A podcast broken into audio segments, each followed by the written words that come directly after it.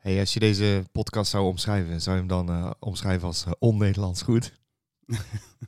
Natuurlijk niet. Het is gewoon keigoed, zou Het is ik gewoon zeggen. keigoed. Gewoon keigoed. Brabants goed.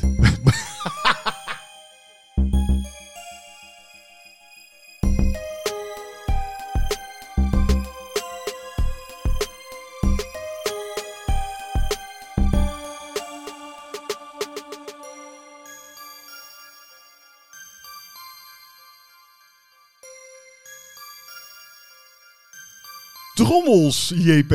Drommels, drommels, drommels! Drommels! Zij ze hoor! Ja. Zij ze, weer! De dertiende aflevering van Cinepraatjes, de podcast van Cinemaatjes. Oeh, 13, dat is een ongeluksgetal. Ja, dat kan wel kloppen, want ik heb hem heel slecht voorbereid deze keer. Dus ik lul gewoon een heel hoop met jou mee. oh, dat is goed. Dus dan weet je het alvast. Eh, nou, eh, we hebben het altijd over wat we hebben gedaan. En dat is in dit geval Tango en Cash! Een enorme B-film. Enorme B-film. Maar wel met een A-budget, zou ik zeggen. Ja. Eh, en ondanks dat hij wel heel slecht is, want hij is echt heel slecht, JP. ja, dat vond ik ook. dat is aan mijn houding ook te zien. Ja. maar ik heb me wel prima mee geamuseerd, moet ik eerlijk zeggen. En dat is ook omdat hij zo slecht is, denk ik. Want Ja, ik toch minder, want ik denk dat ik er misschien iets meer van had verwacht. Ik was helemaal vergeten hoe die ging en eh, ik had verwacht dat het gewoon een... eh eh, voor mij hoeft hij niet per se goed te zijn, maar het, het was gewoon zo voorspelbaar en zo ongelooflijk Bassie en Adriaan, dat, eh, dat ja, het werkte voor mij niet. Het was te kinderachtig, denk ik, voor mij. Ja, dat is ook zo. Het is wel een buddy cop movie, JP. Mhm. En eh, daar hebben we een vraag over gehad van docent BVU op onze Instagram pagina. En die vraagt aan ons, wat is eigenlijk jullie favoriete buddy cop movie? Nou, daar kunnen we heel makkelijk over zijn. Die hebben wij alle twee hetzelfde, denk ik. Eh, uiteraard de buddy cop movies, der buddy cop movies, de, degene die eigenlijk de rage is gestart, is natuurlijk 48 Hours. Ja, en dat is wel mijn favoriete film. Qua buddy cop movies moet ik wel bij zeggen, het is echt een tijd geleden dat ik hem gezien heb. Dus ik denk dat we met cinemaatjes gewoon een keer moeten doen. Ja. Ik denk dat de meeste mensen eh, aan buddy cop movies denkende eh, met Lethal Weapon aankomen. Ja, en dat is ook helemaal terecht. Snap ik. Maar waar het mee begonnen is, en wij zijn natuurlijk een enorme Walter Hill fan, dat eh 48 Hours even genoemd moest worden. Ik wil eigenlijk voor onze luisteraars op deze podcast een primeurtje geven. Oh. Ja, ik wou, ik wou gewoon even zeggen dat de volgende review die eraan komt, is een Larry Cohen film. Oeh. En wel de film Q, The Winged Serpent. Serpent. Eh, daar zijn de meningen over verdeeld, bij ons, een beetje. Dat eh, kun, je, kun je, nou, dat durf ik gewoon te zeggen. Het is ook gewoon een primeurtje. Hè? Heb je dat eh, alvast gehoord. En op ons YouTube-kanaal. het is natuurlijk een YouTube-kanaal van Dutch Nerd Club waar we op zitten. Dus Ja. wij, wij hebben van Dutch Nerd Club deze gelegenheid gekregen. Die hebben wij ruim drie jaar geleden aangenomen. En Gerto van Dutch Nerd Club zelf, de oprichter, die eh, is nu samen met eh, Melvin, eh, doet hij de podcast Shea Geek. En die plaatsen tegenwoordig ook hun previewtje van hun podcast. Zij hebben ook zo'n rubriek waarin ze dingen bespreken die ze hebben gezien. Ja. En dat kunnen ze dus nu doen met beeld. Juist. En dat vind ik eigenlijk wel leuk. Ja, dat vind ik ook leuk. En ik ben blij dat er wat meer reuring op het Dutch Nerd Club kanaal is. En ik ben blij eh, dat wij niet meer de enige nerds zijn.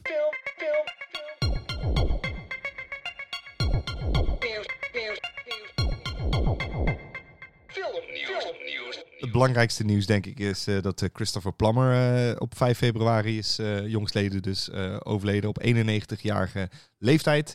Ja. En ja, nou, mans oeuvre is enorm. Eh, ja, jammer. Ik heb nog wel een klein nieuwtje. Het is namelijk zo dat eh Blumhouse, en ja, die doen heel veel shit. eh, en het is altijd hit of miss eigenlijk.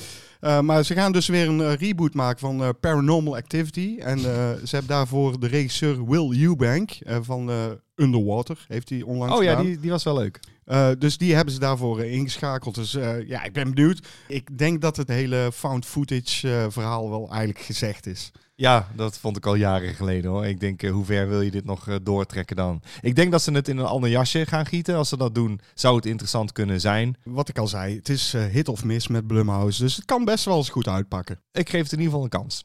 Doen we. Je had nog meer nieuws, toch? Ja, er komt een. eh, ja, nou, hij is op zich niet zo heel erg boeiend. Maar er komt een face-off sequel Ze wilden eigenlijk een reboot doen. Ja. En toen is het toch uiteindelijk gekozen om het gewoon te vervolgen, het verhaal. Maar dat is dus niet met Nicolas Cage en John Travolta. Nee, die zullen dan gerecast worden. En dat kan, want dan kunnen ze een ander gezicht hebben. Oh, natuurlijk, ja. Jezus Christus. Maar inmiddels is dat wel een dingetje. Je kan dus eh, gezichtstransplantaties doen. Ja, deepfakes. Oh, zou ze met... dat zou wel zijn. Als... dat die hele remake met deepfake eh, wordt gedaan. ja, En dan toch, toch Nicolas Cage en eh, John Travolta. Ja, ja. Nou ja, nou, als ze dat niet doen, dan is een gemiste kans. absoluut. Ehm, ik weet niet of jij nog iets hebt, maar... Ja, heel kort. eh, CW komt waarschijnlijk met een serie. Eh, ik, dit, dit gaat me wel aan het hart, want ik vind de Powerpuff Girls, de oude incarnatie uit, uit 1999, de tekenfilmserie, Mhm. eh, vind ik heel leuk. Diablo Cody, bekend van Juno en Jennifer's Body en dat soort films. ja. Die gaat het schrijfwerk op zich nemen voor deze 20-somethings, die dan de Powerpuff Girls zijn. En het wordt dan weer zo'n typische CW-serie. Live action, hè? Live ja, action. live action, maar dat, dan, dan wordt het dus zo'n, ja, weet je wel, Riverdale, eh, The Flash, eh, de Arrowverse-achtige soapy soap-serie. dat kan leuk zijn, maar ook echt vreselijk. Ze zien er op een bepaalde manier uit met van die grote ogen. Dat kun je Ja. toch niet in live action doen? Nee, dan zijn ze zeker groter geworden en dan zijn ze wat mensen. Ja, ik weet het niet.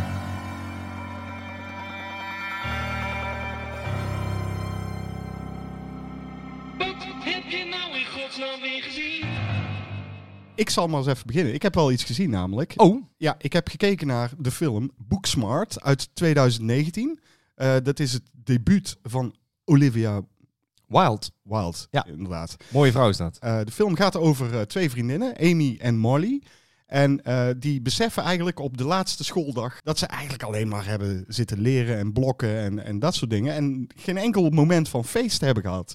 Terwijl hun klasgenoten dat wel hebben gedaan. Ja. Maar die gaan ook naar gerenommeerde universiteiten. Dus ze hebben zoiets van, oh, we hebben het dan gedaan. Hoezo hebben we niet gefeest? Nou, laatste dag, dan gaan we godverdomme feesten. Klinkt als super bad. Het is ook een beetje superbad, moet ik eerlijk zeggen. Maar ze gaan dus ze besluiten dus naar het feest te gaan van eh, een van de populairste jongens uit de klas. Dat is Nick. En eh, ja, net als bij Superbad eh, is die avond die verloopt niet helemaal volgens plan. Eh, het is hartstikke grappig. En je kan misschien wel zeggen, het is een, een, een Superbad eh, voor deze generatie. Ja, dat mag. En ik moet eerlijk zeggen, het, het grappige is dat ook dat Die... die... even een mellow cake. Ja, ik zie het. Eh, die, eh die Melly... eh, nee. Melly. Melly cake. die Molly, die wordt eh, gespeeld door eh, Beanie Feldstein. En dat is de zus van Jonah Hill. Dus dat is ook wel grappig. Eh, qua connectie met Superbad natuurlijk. Ah, oké, oké. Dus dan Eh, zal er wel e- enige opzet eh, en- in, in het spel zijn, denk ik. Ja, en Amy wordt gespeeld door eh, Caitlin Deaver. De chemie tussen die twee is echt fantastisch. Ik heb ook gehoord dat Olivia Wilde heeft ze ook gewoon tien weken eh, samen laten wonen voordat ze de opnames begonnen. Zodat ze ook echt wel die chemie hadden. Dat viel me op trouwens. Er zat één scène in, die vond ik echt fantastisch. Dat was één heel lang shot. Ik zat zo te kijken en ik heb deze film met mijn vriendin gekeken. En ik, ze- eh, ik zat heel te kijken. Gewoon, het shot duurde echt lang, misschien wel tien minuten of zo. En er zat een behoorlijke eh, stevige acteerprestatie in die ze moesten leveren. Dus dat moest dan ook nog eens goed gaan. En aan het einde van de scène zei ik, dat was één shot. Oh ja, nou je het zegt, zei mijn vriendin. Ik zeg, nou, dat was fantastisch. Dus Ja. eh, er zitten echt wel, eh, ja, qua re- regiewerk en schrijfwerk, dialogen zijn ook fantastisch. Ja, ik, Is het ook geschreven door Olivia Wilde? Nee, er zijn meerdere mensen die daaraan hebben geschreven. Maar ze, ze heeft wel wat ze heeft gedaan. Ze heeft scripten aan die, eh, die, die acteurs gegeven. Zo van, ja, lees het eens door. En zou jij het zo zeggen? Als je vindt dat het niet zo eh, natuurlijk eruit komt, dan Dit zou ik ook doen. Dit vind ik heel, vind ik heel slim. Ja, herschrijf gewoon je dialogen. Ik wou Ja. net zeggen, dat, eh, dat tien weken bij elkaar opsluiten vind ik eigenlijk ook wel. Of tenminste met elkaar om, om laten gaan. ja, Zodat je aan elkaar kan wennen, zodat die chemie eh, duidelijker is. Dat vind ik ook heel goed. Vind, ik- Mhm. vind ik goed gekozen ehm, manier om, om iets natuurlijk over te laten komen. ja, er zitten gewoon eh, een paar flauwe grapjes in. Maar er zitten ook gewoon echt wel heel uh, goede. Ik heb een paar keer hard op gelachen. Wat heb jij nog gezien? Ik heb gekeken naar Space Sweepers. gaat over een eh, Koreaanse sweeperploeg. Die zitten gewoon in een ruimteschip, eh, want het is eh, in de toekomst. En eh, dan heb je heel veel ruimteafval. En dat gaat natuurlijk in een enorme baan rond eh, ruimtestations en de aarde. En daar heb je de zogenaamde sweepers. En die mogen dat afval rapen. En wat je vindt mag je houden. Jutte. Het is gewoon jutten. Is het. Ja, oh ja, space strandjutters, zo zou je het kunnen noemen. Eh, nu heb je één eh, team, eh Koreaans team, die zijn op, op jacht naar een ruimteschip. Wat, wat ze in één keer binnen weten te trekken van vijf andere ploegen. Dan komen ze achter dat daar een meisje in zit. En dat meisje wordt gezocht, want dat schijnt een, een wapen te zijn. Dat meisje is een wapen. Ja, dus eh, waarschijnlijk een robot. Beetje Alita. Nee, want het is geen robot. Daar Oh, komen ze achter. En eh, dan blijkt dus dat er wel meer mis is. Ik vond het een heel leuke, vlot gemaakte film. Die te vergelijken valt met eh The Fifth Element, denk ik. Oké. Qua, qua eh, gewoon e- energie en, en, en, en leuk. Ja, wat ik ervan gehoord heb, is er zitten meerdere nationaliteiten in en Ja. die praten allemaal in hun eigen taal. Ja, ze hebben namelijk allemaal zo'n communicator. Dus ze kunnen gewoon in hun eigen taal blijven praten. Dat werkt prima. En Ja. het is heel leuk. Ik vind ook de cast was heel leuk. Er zit een robot in en die heet Bub. Ja, die is gewoon heel gaaf. Het is heel goed gedaan. Er zitten hele goede special effects in, vind ik. Het is wel allemaal uit de computer getrokken, maar het is wel heel leuk. Ik, ik heb me prima vermaakt met deze film. Voor een Netflix Ja. original eh een Nou, ik neem aan dat dit gewoon een film is die ze hebben aangekocht. Mhm. Want eh, het ziet er allemaal wel eh, speelfilmwaardig uit. Oké, nou Ik ben heel eh, vermakelijk. Ik ga hem denk ik binnenkort eens kijken, want ik heb Netflix. Oeh. Eh, ja, trouwens, die Booksmart die staat op Amazon Prime. En ik heb nog een andere film op Prime gekeken. En Oh. dat is de film uit 2016 van Paul Verhoeven, genaamd L. Dat betekent gewoon zij of her. ja. Goed, L gaat over eh, Michelle. En dat is een eh, succesvolle directrice van een videogamebedrijf. En de film begint eigenlijk meteen met een verkrachtingsscène. Oh, nou. Dus zij wordt overvallen in huis door een gemaskerde man en wordt verkracht. Als iemand verkracht wordt in eigen huis, dan verwacht je dat ze op een bepaalde manier daarop gaan reageren. Maar dat doet ze niet. Ze belt niet de politie, ze belt geen vrienden of zo. Nee, ze belt een sushi-bedrijf om eten te bestellen. Ze ruimt vervolgens alles op. En ze gaat gewoon door met haar leven, zeg maar. Ja, dan krijg je dus haar leven te zien. En iedereen die zich in haar leven bevindt, dus familie en vrienden, eh, buren, dat soort mensen allemaal.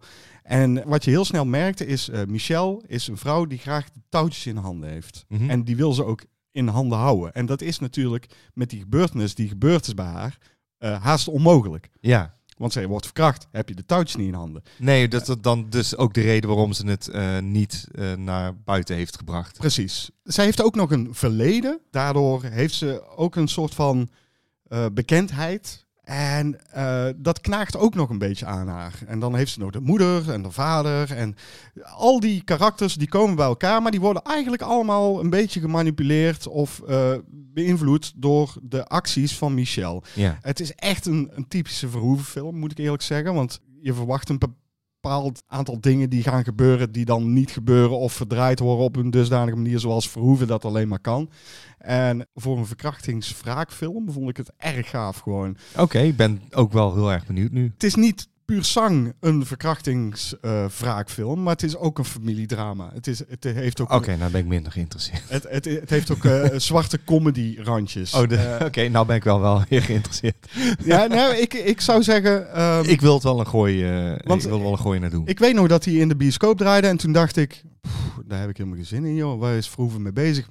Maar hij heeft, deze film wilde hij natuurlijk in Amerika maken, maar in Amerika ja, is dat gewoon niet een onderwerp wat je, wat je snel geregeld gaat krijgen. Nee. Als je dat wilt laten eh, verfilmen. Dus ja, heeft hij gewoon gekozen om dit in Frankrijk op te nemen. Hij heeft zelfs Franse lessen ervoor genomen. Om... Heb je hem wel eens Engels horen praten? Heb je hem wel eens Nederlands horen praten? Oh, dat is heerlijk. dat kan hij ook niet meer. Ja,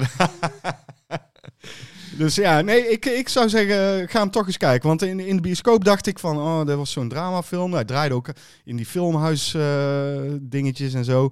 En toen dacht ik, oh, daar heb ik helemaal geen zin in. Maar Paul Verhoeven, randje zit erin en dat is gewoon echt wel interessant. Je hebt vast ook nog iets gekeken. Ik heb zeker nog iets gekeken. Ik heb gekeken naar eh, Mean Streets. Dat kwam eh, naar aanleiding van eh, iets eh, waar we het nog over gaan hebben, dus blijf luisteren.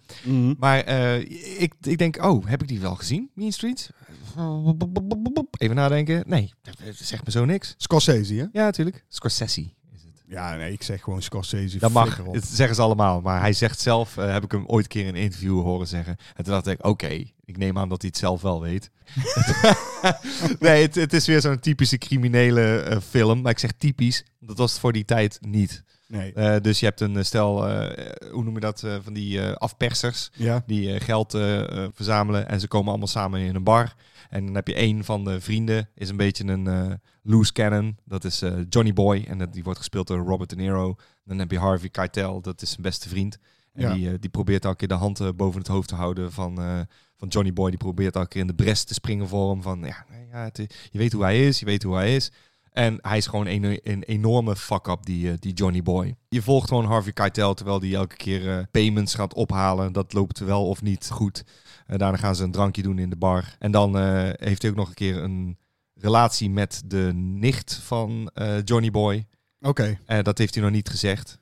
Maar hij wil ook niet dat dat uitkomt, want zijn oom is een maffia-baas. Uiteraard, Scorsese, ja. Ja, ja het, is, het, is, het is allemaal heel erg cliché lijkt het. Maar dit is een van de eerste films waarbij die stijl enorm eh, belangrijk was. En dit is een stijl die enorm vaak is eh, geïmiteerd daarna. Dus Ja. ik denk dat dit de blauwdruk is voor hoe al die films eruit zouden moeten zien. Die zich afspelen in contemporary eh, New York in dit geval. En ik zou niet willen zeggen dat ik dit Scorsese of Scorsese's beste film vind. Het is een goede film. Het is een goed gemaakte film. Het is niet mijn film. Is wel een aanrader, omdat hij dus zo los is qua stijl. En dat valt op, want het is een film uit 73. Ja. En, het, en dat, eh, ja, het, het, is, het is modern. Je zit naar iets moderns te kijken. Je denkt nergens, oh, dit is gedateerd. Nee, er zit er zelfs een snorricam in. Eh, weet je al dat die camera vastzit eh, aan iemands gezicht. En dat dan de achtergrond mee beweegt. Ja, ja. Ja, dat is eh Harvey Keitel is dan aan het drinken. En dan valt hij op een gegeven moment in slaap. Oké. Er Dus, zit eh, hele goede muziek in deze film. Echt. Alright, Het alright. is gewoon één jukebox. En als je de lijst op het einde ziet, denk je... Jezus Christus, dat is een flinke jukebox aan, eh, aan muziek. Nou, ik heb hem nog niet gezien, dus ehm, Ik denk wel dat je hem gaaf vindt. ik vind alles gaaf.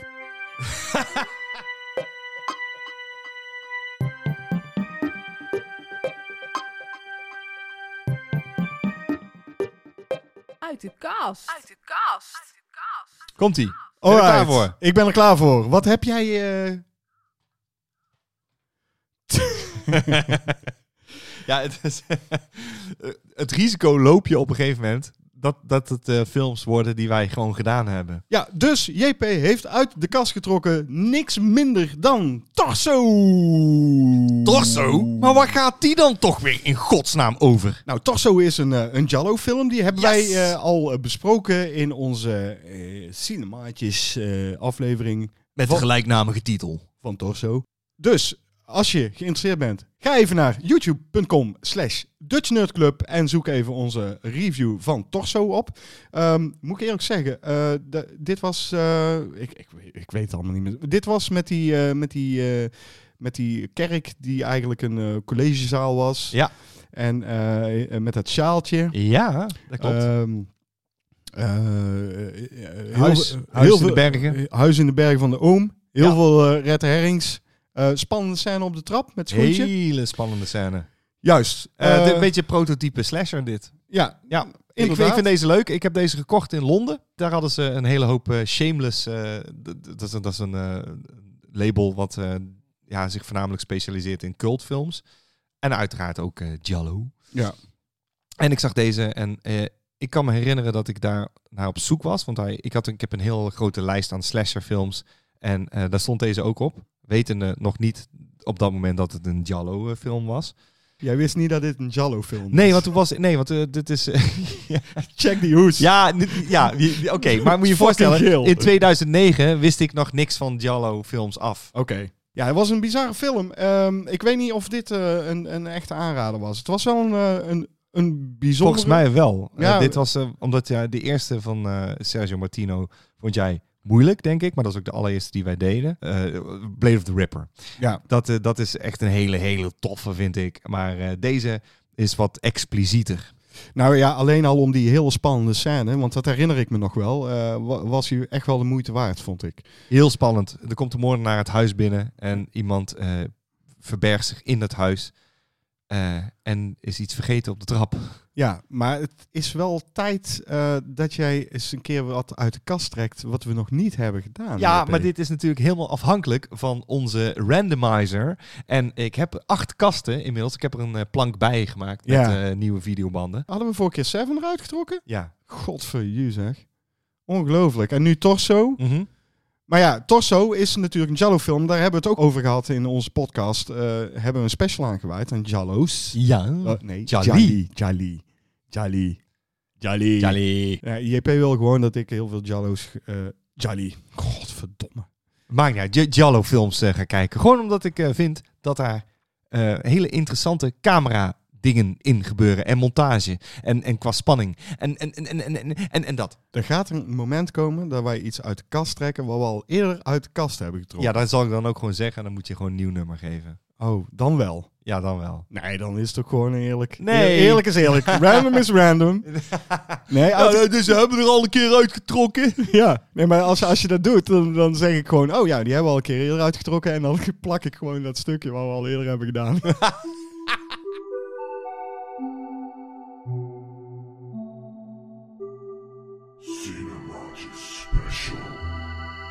Ik leid hem even in. Ehm, nou, voor de vragen van de, eh, voor de vraag, voor de vragen van de Gaat lekker. Ja. Leid hem anders even in, eh, William. voor onze vraagbaak Ja. eh, vragen wij dus regelmatig op instagram.com slash cinemaatje013 of op facebook.com slash cinemaatjes aan mensen, hebben jullie een vraag voor ons? Nu is het zo dat een tijdje geleden heeft Pim van Loon op onze Facebookpagina dus gevraagd aan ons, wat vinden jullie van de documentaire Easy Riders Raging Bulls en wat is jullie favoriete regisseur, producer van deze gouden periode? Dat is een interessante vraag. Zo interessant dat wij dachten... Daar maken we een special van. Precies. Ik had hem dus nog niet gezien. En speciaal voor deze special heb ik hem gekeken. Moet ik eerlijk zeggen, ik vond het eh, eh, interessant wat JP ervan vindt. ik heb ook gekeken, eh, naar aanleiding van de vraag dus. Eh, Ja. ja. we zeiden tegen elkaar van, nou, niet gezien, maar ik vind het wel eh, ja, bijzonder om daar eventjes eh, naar te kijken. Eh, Oké, weet je wat ze schetsen in de documentaire? is een periode waarin eh, al onze grote eh, regisseurs hun eerste grote film gingen maken. In een eh, zeer roerige periode waarin Hollywood eigenlijk eh, zijn ideeën niet meer aan de man kreeg. Ja. Het was eh, enorm in het verval geraakt in de jaren 60. Van ja, gaan er nog mensen naar de bioscoop dan? Wat wel gebeurde, was de, de drive-in bioscopen die toen in opmars kwamen.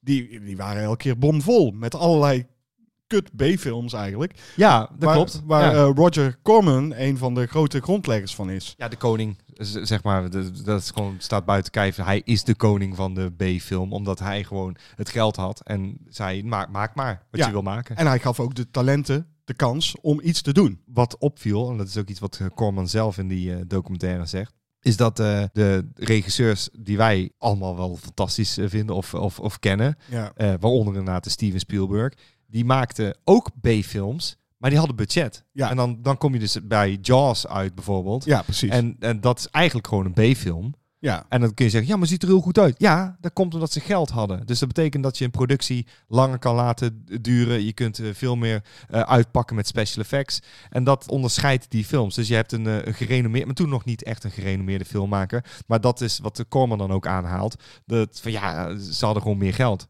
Deze documentaire is gebaseerd op het gelijknamige eh, boek eh, van Pieter Biskind. Ja. En ehm, ja, ik heb het boek niet gelezen, maar ik ga ervan uit dat het boek eigenlijk veel meer uit de doeken doet dan deze documentaire. Ja, het is wel grappig dat eh, Pim die stelde deze vraag aan ons. En, en onze geliefde Martin Koolhoven heeft erop geantwoord. En die heeft mij nu wel nieuwsgierig gemaakt naar het boek. Want ik kon daar niet op antwoorden, want ik heb de documentaire niet gezien. En het boek niet gelezen.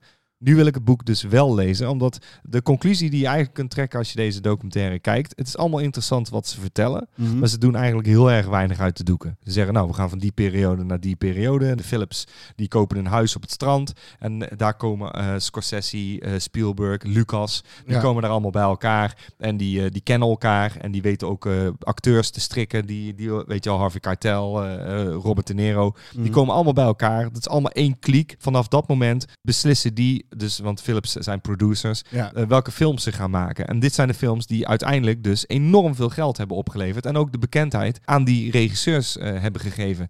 En iedereen zegt, ja, ze zijn de grondleggers geweest. Maar ik denk dat dat ook een beetje een toevalstreffer was. Of in, precies in een periode waarin iedereen zat te wachten op vernieuwing. ja. En eh, dat het vernieuwend is, want dit is een reden waarom ik jaren 70 cinema zo interessant vind. Is dat je niet meer dat toneelachtige hebt, maar dat rauw realistische. Wat Mean Streets, waar ik het eerder over heb gehad, Ja. ook heeft. Ja, dat, precies. dat, dat is een stijl die, die nu eh, duidelijker is. En ook inderdaad eh, aan de hand van de budgetten die ze hadden. En dat is allemaal heel interessant. Dat zijn niet echt dingen die ze in de documentaire aanhalen. Nee, Heel kort. er zat gewoon wat meer seks, drugs en rock'n'roll in de film. Dat brachten zij dus. Eh, ze noemden dat de New Hollywood. Laten we, laten we even wat namen noemen, want dat is wel, misschien wel belangrijk om te zeggen. Ja, je hebt die Sam Peckinpah heb ik opgeschreven. Ik heb Ja. Natuurlijk opge- opgeschreven Coppola die Zotrope Productions wilde starten samen met Lucas. Dat is uiteindelijk niet doorgegaan omdat THX niet succesvol eh, was. Pieter eh Bogdanovich natuurlijk. En dan heb je eh, Robert Altman. en- Hal Ashby, Hel- ja, Hal eh, Ashby. Polanski, Scorsese. En natuurlijk Dennis Hopper niet te vergeten. Nee, dan laten we dat zeker niet vergeten. Want eh, die heeft natuurlijk de Easy Rider eh, geregisseerd. Dat was eigenlijk de, de, film geweest die het startte. Nou, dan moet ik eh, aan toevoegen dat er was eigenlijk, eh, denk ik, Bonnie en Clyde. Ja, klopt. Oh ja, Bonnie en Clyde, daar beginnen ze mee. Dat ja, klopt. eh, waar Warren Beatty, dat is eigenlijk een acteur, maar ook een producer. En, en die keek dus naar buitenlandse films. Ja, En toen dacht hij van, nou, dat soort eh, regisseurs moeten we hebben. En, en dan krijg je dus een film met heel veel actie, zoals Bonnie en Clyde. Ja, de, grote filmmaatschappij, die begrepen er niks van. Maar de jeugd, die, die hield van dit soort films. die wilde- kochten vier of vijf keer gewoon een kaartje voor dezelfde film. En dat, toen hadden ze van, wat, gebeurt er nou? Ja, en dan heb je dus Easy Rider, wat een heel erg eh drugsgedreven film is eigenlijk.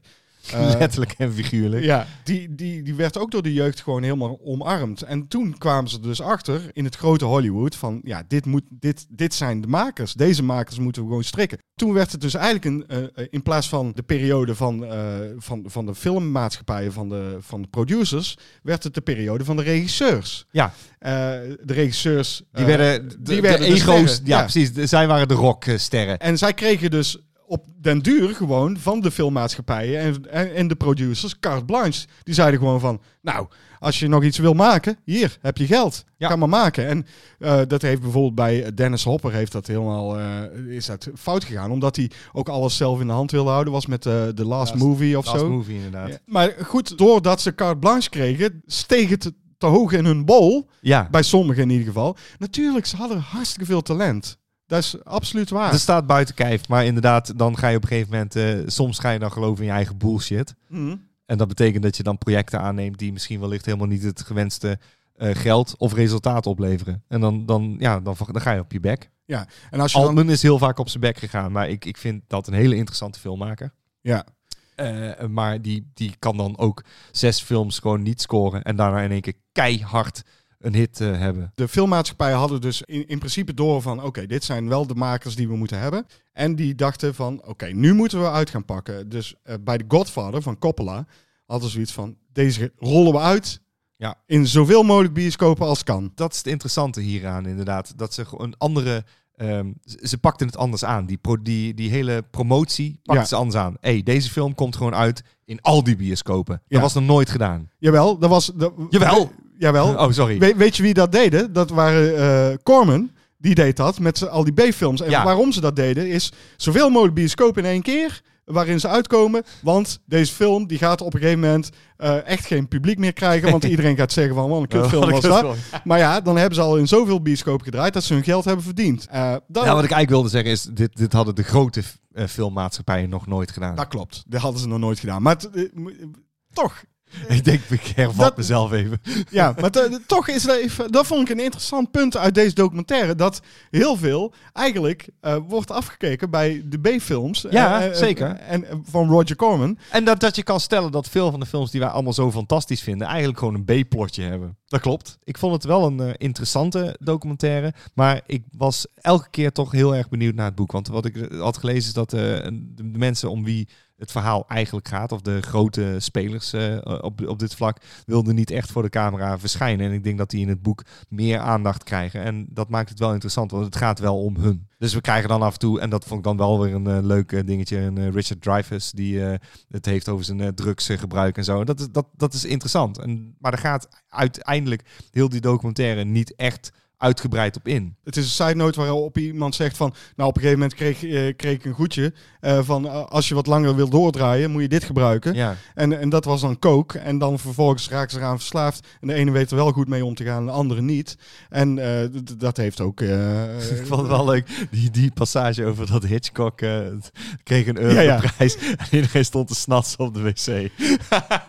dat vind ik wel echt fantastisch. De documentaire ehm, is, het is gewoon een, een oprakeling van wat wij eigenlijk nu aan het doen zijn, maar dan in kort een oprakeling van feitjes. En dat is allemaal interessant. Ja. Maar ik denk dat je, eh, als je een boek zou lezen, dat, dat vermoed ik gewoon, dat ze daar iets dieper op ingaan. En ik denk dat dat uiteindelijk interessanter is. Want nu is het gewoon een, een paar eh, ja, mensen die ze voor de camera hebben kunnen, eh, ja, zeg maar kunnen strikken Klopt. om iets te zeggen. En uiteindelijk zeggen ze niet zo heel veel. Want Nee, het zijn maar quotejes. En dan laten ze wat filmbeelden zien van, en dan deze film en deze. De documentaire heeft echt een heel erg hoog ons kent ons eh, gehalte. Ook een hoog gehalte van je had er echt bij moeten zijn. Het zijn allemaal anekdotes en soms heb je het verband er gewoon niet bij. Dit, dat vond ik een beetje jammer aan deze documentaire. Wa- Wat jij zegt, het boek is volgens mij veel interessanter. Want het boek gaat dieper in op wat er eigenlijk allemaal eh, ja, mis, nou, mis is niet, maar wat er allemaal fout is gegaan. Ja, of, dat eh, denk ik wel. Wat, wat ze fout hebben gedaan, zeg maar. En ze probeert hier een beetje aan elkaar te knopen met mensen die ze daadwerkelijk dan voor de camera hebben kunnen krijgen. Ja, want een William Friedkin, een Spielberg... Die had ik ook eh, willen horen. En dan. Lucas, Ja. die zijn allemaal niet voor de camera verschenen. Nee, dan krijg je wel leuke foto's te zien van backstage en zo. En, maar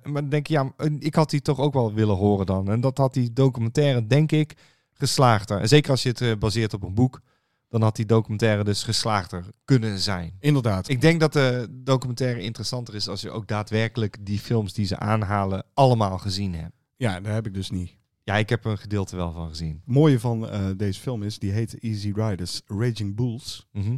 Eh, want het begint eigenlijk bij Easy Riders, officieel Bonnie en Clyde, maar vooruit. En het eindigt eigenlijk bij Raging Bull. Ja. Ehm, maar Easy Rider is een film waarvan ik, toen ik een manneke was, en dan, ik meen echt een manneke, hè, tussen de vier en de acht.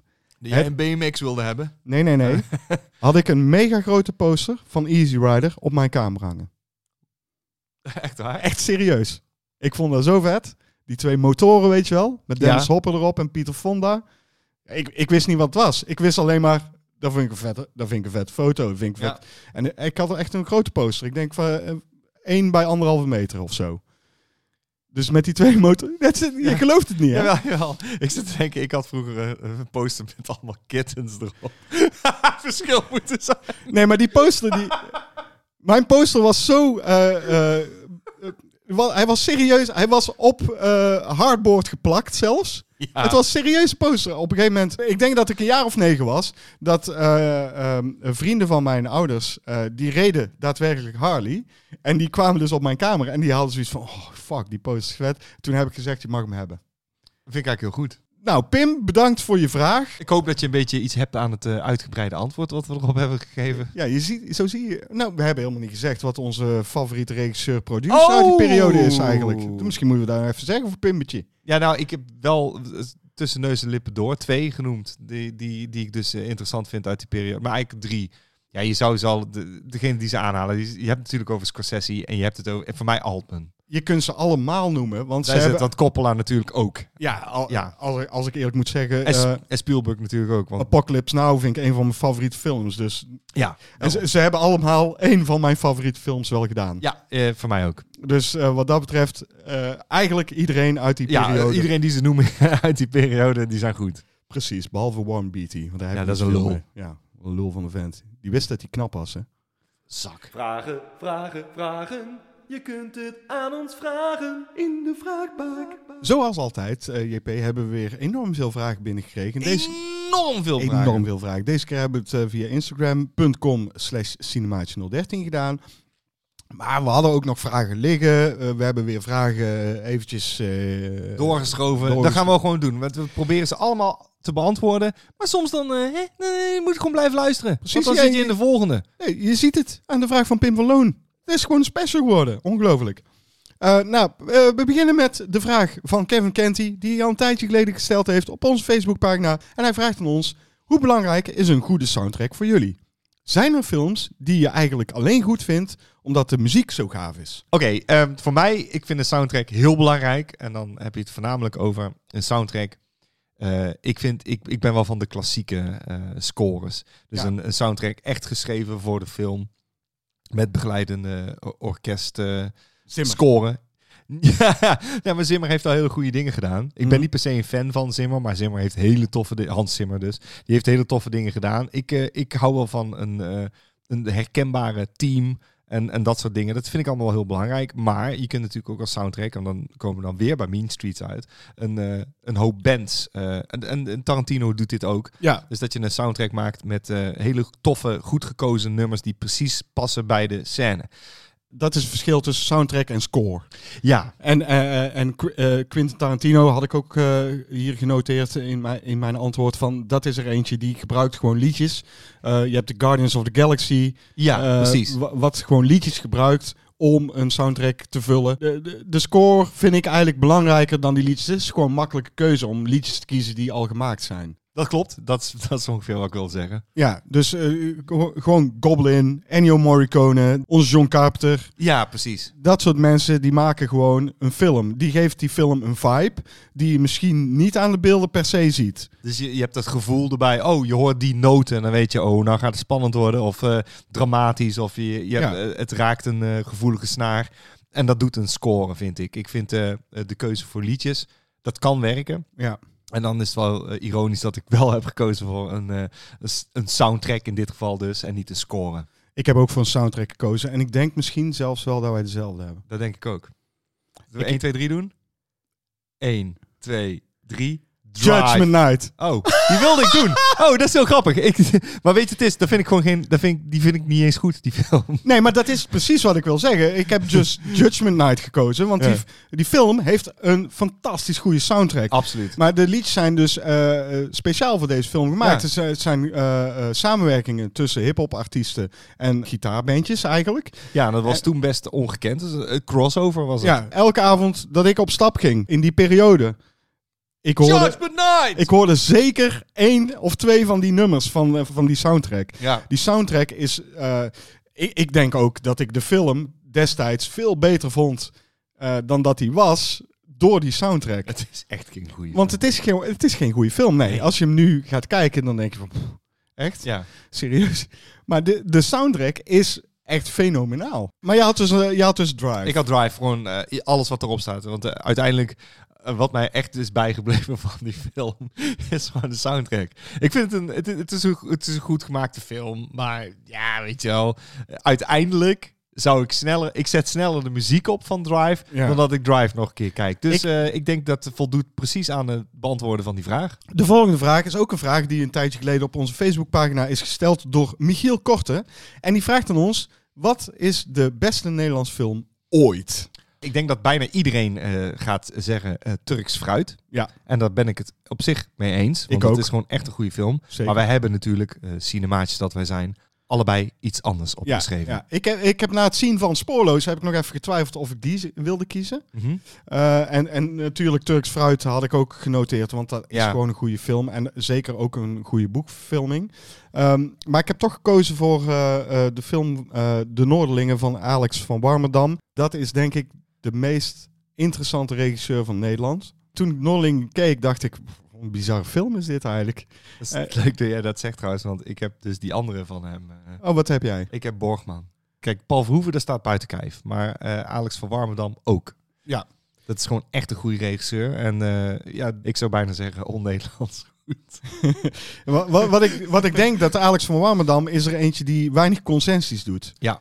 Dus als hij een film maakt, dan... Heb jij wel eens dat stuk gezien bij De Wereld Draait Door? Dat was zo gaaf. Toen lieten ze een... eh, hij, hadden- trailertje zien Ja, een trailer zien. En die hadden ze toen korter gemaakt. En toen was hij helemaal over de zeik. Toen ja, maar dan blijft er toch helemaal niks van overeind staan? En hij had helemaal gelijk. Hij had helemaal gelijk. Hij zei dan kun je beter een net zo goed niks laten zien.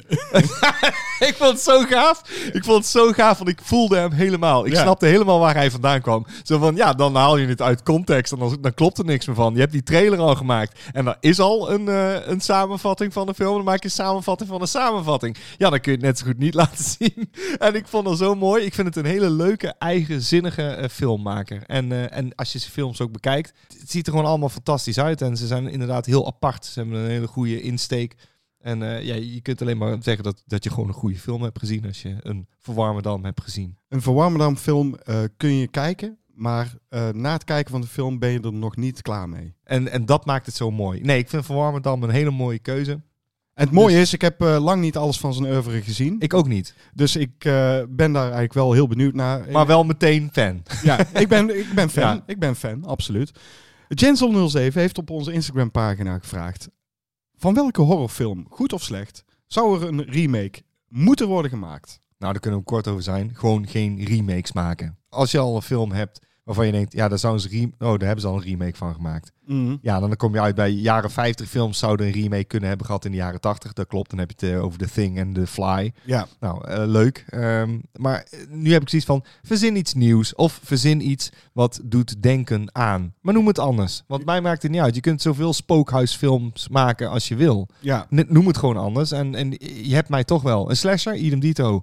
Verzin een andere moordenaar en maak een nieuwe slasher. Fine. het, heb je het. dan heb je het al. ja. Eh, en, eh, pak een science fiction thema. Ga ermee aan de haal. En, en maak een leuke, spannende horrorfilm. Die, ik er, eh, die, die doet denken aan. Maar ik maakt het niet uit. Nee, Ik vind het juist wel leuk als je een hommage pleegt. ik ben het helemaal mee eens. Remake is nooit eigenlijk nodig. Nou, Ehm, dan, dan, laat het daarbij. nee, daar laat ik er niet bij, want Oh. ik heb er nog wel even wat langer over nagedacht. even goed luisteren. Ja, moet je maar eens even goed luisteren. ja. Ja, luister maar eens eventjes. Ik heb er wel echt eh, even over nagedacht, Jensel. En eh, toen ben ik eh, even na gaan denken. En toen dacht ik... Chut. Chut Ja. is een goed, een, een goed verhaal. Op zich redelijk goed uitgevoerd. Maar ik denk dat als je die met een wat groter budget... Het is een hartstikke B-film. Maar ik denk dat je met een groot budget en met de technieken die je nu hebt... daar je best wel een hele eh, interessante, spannende film van kunt maken. Ja, En eh, daarom heb ik voor Chut gekozen. Weet je nog waar Chut voor staat? cannibalistic, humanoid, eh, underground dwellers. Klopt. Chut hebben wij ook besproken met cinemaatjes. Dus als je niet weet wat het is, dan zou ik even checken. Maar ik denk dat als je die nu in deze tijd een eh, remake geeft, dat het nog best interessant kan zijn. En ik weet zeker dat wij er naartoe zouden gaan. Dat denk ik ook. En op naamsbasis, want dat is heel vaak de reden om, eh, om, om een remake eh, te maken, is van, oh, dat is bekend. Maar ja, da- daarmee kun je dus ook jezelf in de voet schieten. Omdat, omdat ja, eh, want, want dan, moet je, dan heb je vergelijkingsmateriaal. Ja. Dan, dan, dat is het. En ik heb zoiets van, speel het dan op veilig en maak gewoon je eigen film. Noem het anders. Precies. En dan kun je altijd zeggen in interviews, we zijn geïnspireerd door die film. Precies. Gewoon geen remakes maken eigenlijk. Precies. Eh, de volgende vraag is eh, van onze Patreon. Blijf er gewoon in. Patreon. Peter van Hoof. Eh, je kan ook een maatje worden op onze Patreon-pagina op patreon.com slash cinemaatjes. Gewoon eens even kijken, want ik krijg gewoon extra content ook, hè? Ja, ik weet niet of mensen er blij mee zijn, maar die krijgen gewoon. En Peter heeft gevraagd aan ons, welke, welke? Welke? Welke? Dit is Hey, zo- weer een nieuwe aflevering van. D- Dat komt om, weet, weet je hoe dat komt? Weet je hoe dat komt? Ik zal, ik zal het even uitleggen. Mijn, mijn hersenen gaan soms sneller dan mijn mond kan gaan. Ja, dat is leuk. En, en dan Dat weet en dan, en dan komt Dat levert die prachtige bespreking op. En ik vind die fantastisch. En dan krijg je dus eh, na een Nederlands woord een, eh, een, een, een Engels woord. En dan ga ik dat Nederlandse woord al voor Engels zeggen. Dus krijg je nu welke, Nou, doe maar, doe maar in, met het eh, accent. welke Spielberg film Spielberg. Welke Spielberg film? staat bovenaan je lijst. En welke Spielberg film staat onderaan je lijst. Nou, daar kunnen we ook heel eh, kort over zijn. Ja, het lijkt me heel duidelijk. Er staat er maar één bovenaan de lijst. En dat is Jaws. Uiteraard. Jaws is de beste Spielberg film. Hij heeft, hij heeft heel veel goede films gemaakt. Of hij heeft een aantal goede films gemaakt. Ik wil er nog eentje aan toevoegen. Ik heb ook Jaws bovenaan staan. Ja. En dan zou ik daar nog net ietsje onder zetten. Duel. Ja, daar, ben- daar ben ik het mee eens. Want eh, die heeft hij op een heel laag budget met de eigenlijk... eh En het, het blijft een eeuwig vermakelijke ja. film. Gewoon. Het is eigenlijk een tv-film eigenlijk. hè? Ja, weet ik. En die, heeft in, eh, die vonden ze in Europa zo gaaf dat ze hem hier in de bioscoop. Dus hij heeft, hij heeft daar extra content voor moeten filmen. Ja. Eh, om het eh, bioscooplengte te maken. Ja, maar Ja. gewoon, als je eerlijk moet zijn, eh, ondanks dat Een leuke film is, is Jaws echt wel gewoon een zo'n goed gemaakte film. Alles wat daarover gezegd is, klopt. Peter, hoe, hoe kun je dit vragen aan ons? Alsof, alsof je dat zelf niet weet, toch? Kom. Oké, maar dan de laagste. Onderaan de lijst zou ik zeggen Hoek. Deed hem niet helemaal voor mij. Ik bedoel, een Peter Pan op eh, volwassen leeftijd. En ook nog Robin, Robin Williams. Ja, nou ja, Robin Williams vind ik eh, in sommige rollen wel werken, maar in deze rol werkte die, vond ik niet. Ik vond eh, Ready Player One echt niet goed. Het is, het is geen Spielberg-waardige film. Nee, dat, dat, is dat, het. is het. Want als het nou geen Spielberg-label aan had gehangen, dan had ik hem waarschijnlijk nog enigszins kunnen vergeven. En zo, oh ja, oké. Je kunt Ja. wel kijken, redelijk vermakelijk. Maar is dit Spielberg-waardig? Nee, zoveel, er hangt zoveel van CGI af dat het gewoon... Het is bijna een computerspelletje daardoor. Dat is het ook, maar dat, dat maakt het dus daardoor ook niet interessant. En dit boek is ook niet zo heel interessant. Het, het- het- het- nee, het is al- allemaal duizend keer nee gewoon. Oké, we gaan verder eh, met de volgende vraag. En die is gesteld op onze Instagram-pagina door Hasselnodder. Die kennen wij ook als Mark Beulen. Hey Hey Mark. En die vraagt aan ons: Komt mijn tip Knife and Heart? Dat is een Franse gay porno slasher met Vanessa Paradis ook op de lijst. Ja, hij heeft mij heel lief een linkje gestuurd, zodat ik hem kon bekijken gratis. Ja. Eh, dat heb ik nog niet gedaan, omdat ik hem met jou wil bekijken. Dus eh dankjewel voor het linkje in ieder geval. Ik heb er geen gebruik van gemaakt, want dit wordt een cinemaatjes aflevering, denk ik. Precies, dus hij komt op de lijst. Dat is ons antwoord. Ja. Of we er nou een, eh een, een cinematische aflevering van maken, of misschien doen we wel een mini-praatje. Hoe dan ook, dit wordt behandeld door ons. Als het een mini-praatje wordt, eh Mark, Dan, dan, dan weet je wat je te doen staat, hè Mark? dan, moet, dan Ja, moet je een ja. Patreon worden. Maar geef ik wel even een heads up. Alright. De volgende vraag is van eh, Wibbly Wobbly Torment Fever. Wat een gave gast is dat. Ik heb hem nooit gezien, hè, maar ik vind nou een Nou, gave ik vind het ook gewoon een gave gast. Gouden gast. Ja.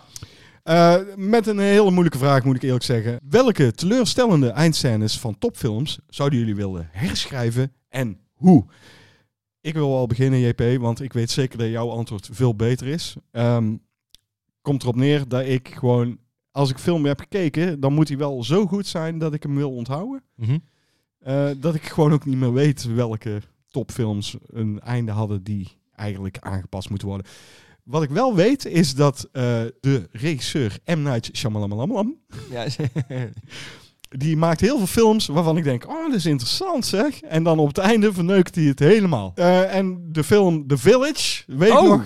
Doe jij de Village? Oh, ik doe The oké. Village. Ja. Ik, ik heb de, fil- de film The Village gekeken in de bioscoop. En ik dacht, zo, eh, is interessant. Ik vond het sowieso interessant om de, The Village te gaan kijken. Want ik dacht, oh, dat is een spannende horrorfilm.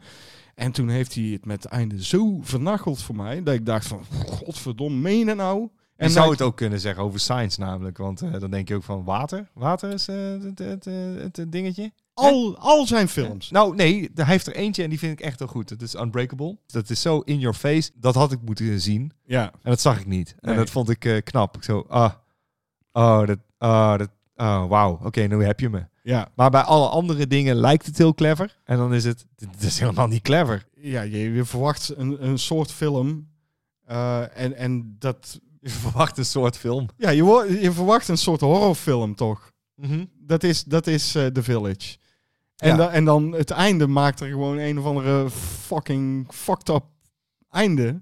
Ja. Waardoor ik dacht van, ah man, ben hoe zou je hem herschrijven dan? Ja, ik zou er gewoon wel, wel monsters in het bossen. Ja. Fuck it.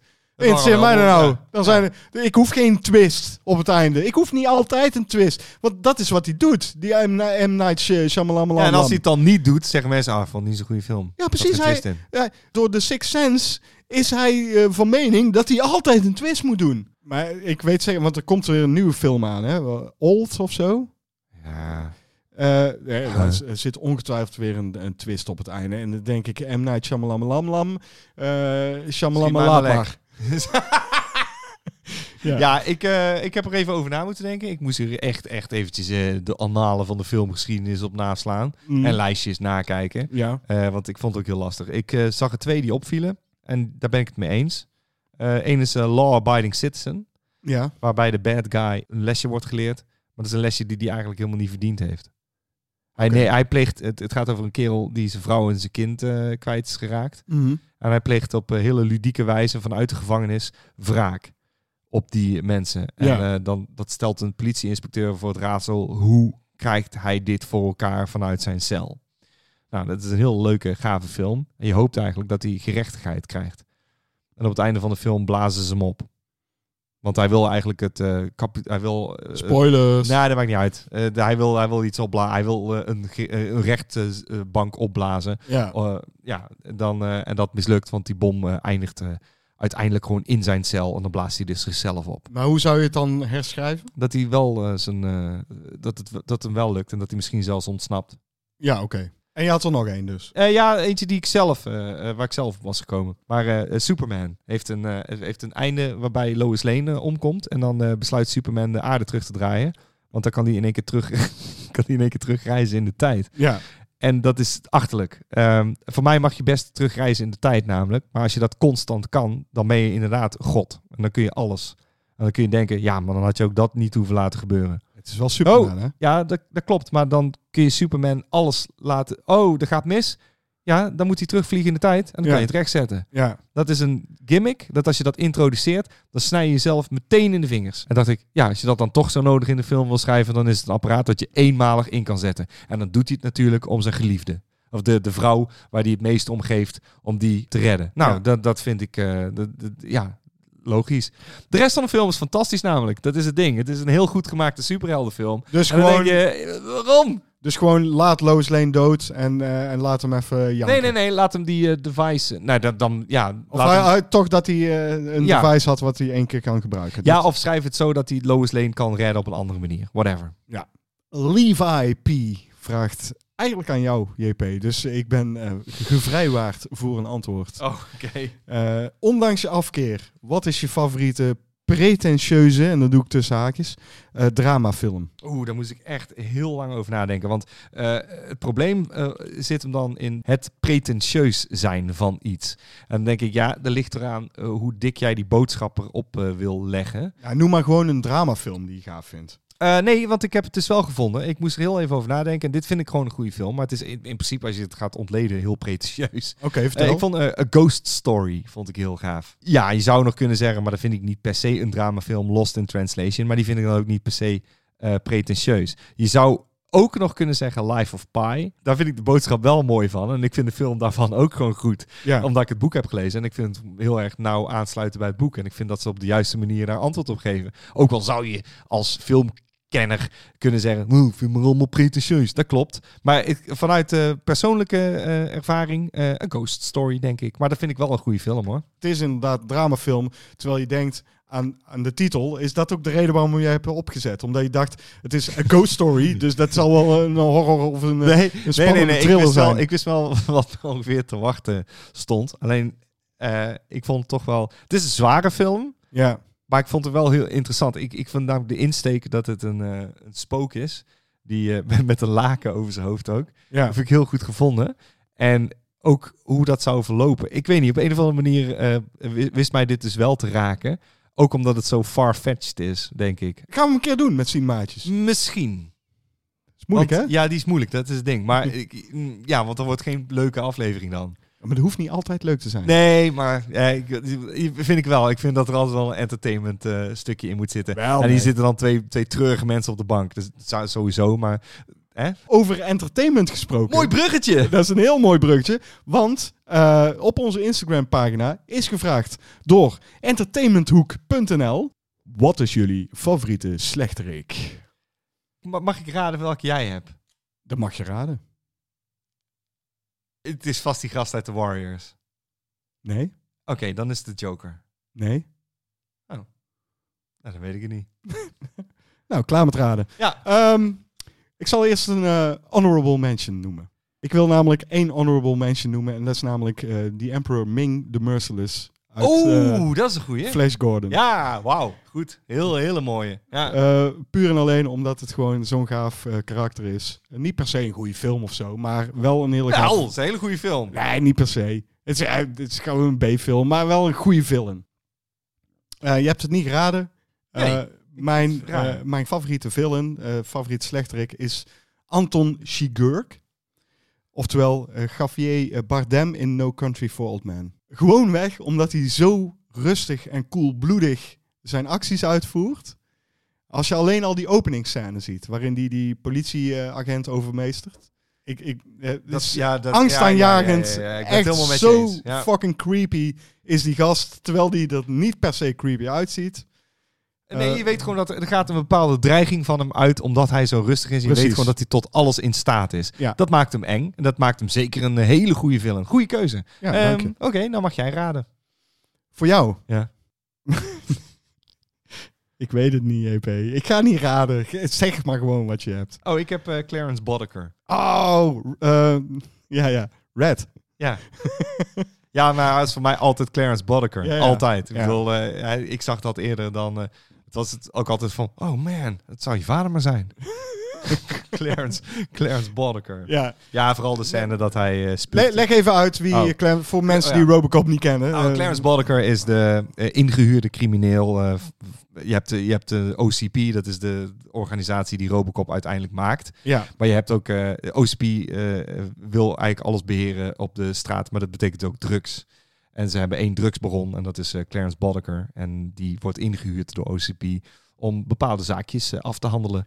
En dat eh, betekent dus ook dat hij eigenlijk indirect verantwoordelijk is voor de dood van een van de agenten die uiteindelijk Robocop wordt. Dat is de bad guy uit de film. En die wordt eh, met verven gespeeld door Kurtwood Smith. En dat doet hij zo ongelooflijk goed dat bijna alles wat hij zegt is, is quotable. Can you fly, Bobby? Ja. al, al, zijn, al zijn dingen zijn gaaf. Een van mijn favoriete scènes is dan wordt hij eh, helemaal in elkaar geslagen door Robocop. Heel zijn gezicht is, eh is een gruzelement, want er zitten allemaal littekens op. Dan spuugt hij op de, op, de, op de balie. Zie je bloed klodderen. En dan zegt hij, just give me my fucking phone call. En dat vind ik, vind ik zo'n zo'n ultiem badass moment. Het is gewoon een pisvinger, dat is het. En, en, en iedere scène dat hij opkomt, zit je gewoon te letten op hoe goed hij acteert. Het, het is gewoon, ja, het is iemand die je, die je wil haten. En dat vind ik eh, een, een goede bad guy daardoor. Eh, ja, dus dat. Eh, entertainmenthoek.nl. Dan zijn we rond, denk ik. We zijn rond. Yes! Dat betekent dat we naar de toilet kunnen, want ik moet enorm pissen. Oh, nou. Eh, dan eh, ga jij eerst en eh, daarna, daarna ik. Oké, ehm, ik wou nog even zeggen, eh, fijn dat jullie allemaal geluisterd hebben en eh, tot de volgende keer. Adieu. Bonsoir.